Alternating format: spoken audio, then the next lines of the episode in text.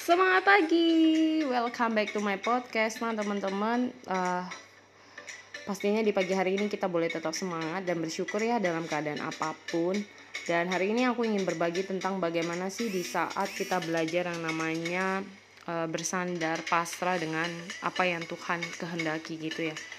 Uh, mungkin bukan soal bahas spiritual atau gimana, tapi ini adalah pengalaman pribadi yang aku alami Kadang kita selalu memplanning, merencanakan sesuatu-sesuatu yang kadang belum tentu semuanya sekehendak Tuhan gitu ya.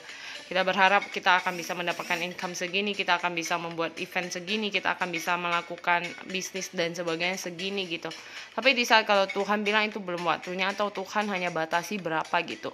Ya kita bisa belajar apa? Kadang mungkin gampang ya buat kita mengeluh atau kita menyalahkan keadaan Tuhan kenapa begini? Tuhan kenapa kasih yang kayak gini? Tuhan kenapa harus kayak seperti ini? Di saat itu belajar merendahkan hati merenungkan diri apa sih yang sebenarnya hidup ini yang bisa saya lakukan gitu yang udah dikasih sang pencipta.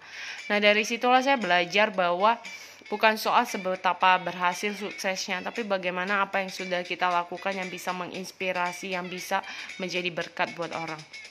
Saat ini jujur saya mengalami struggle yang membuat saya hanya berdiam diri dan saya juga bingung ya, apakah Tuhan kehendaki Tuhan menjawab atau enggak dan saat ini mungkin saya merasa hanya Tuhan terdiam dan saya juga belajar untuk berdiam dan pasrah, bukan pasrah dengan keadaan, pasrah dengan apa yang Tuhan mau ke depannya.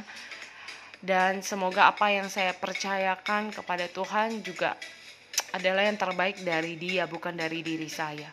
Itulah teman-teman, kadang belajar percaya itu tidak gampang ya.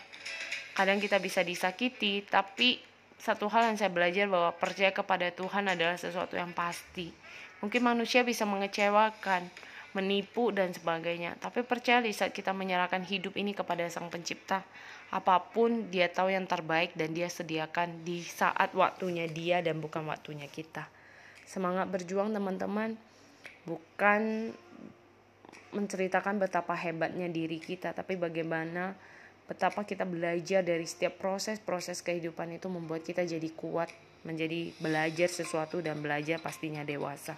Semangat pagi teman-teman, selamat menginspirasi dan selamat berjuang untuk orang-orang yang kita sayangi.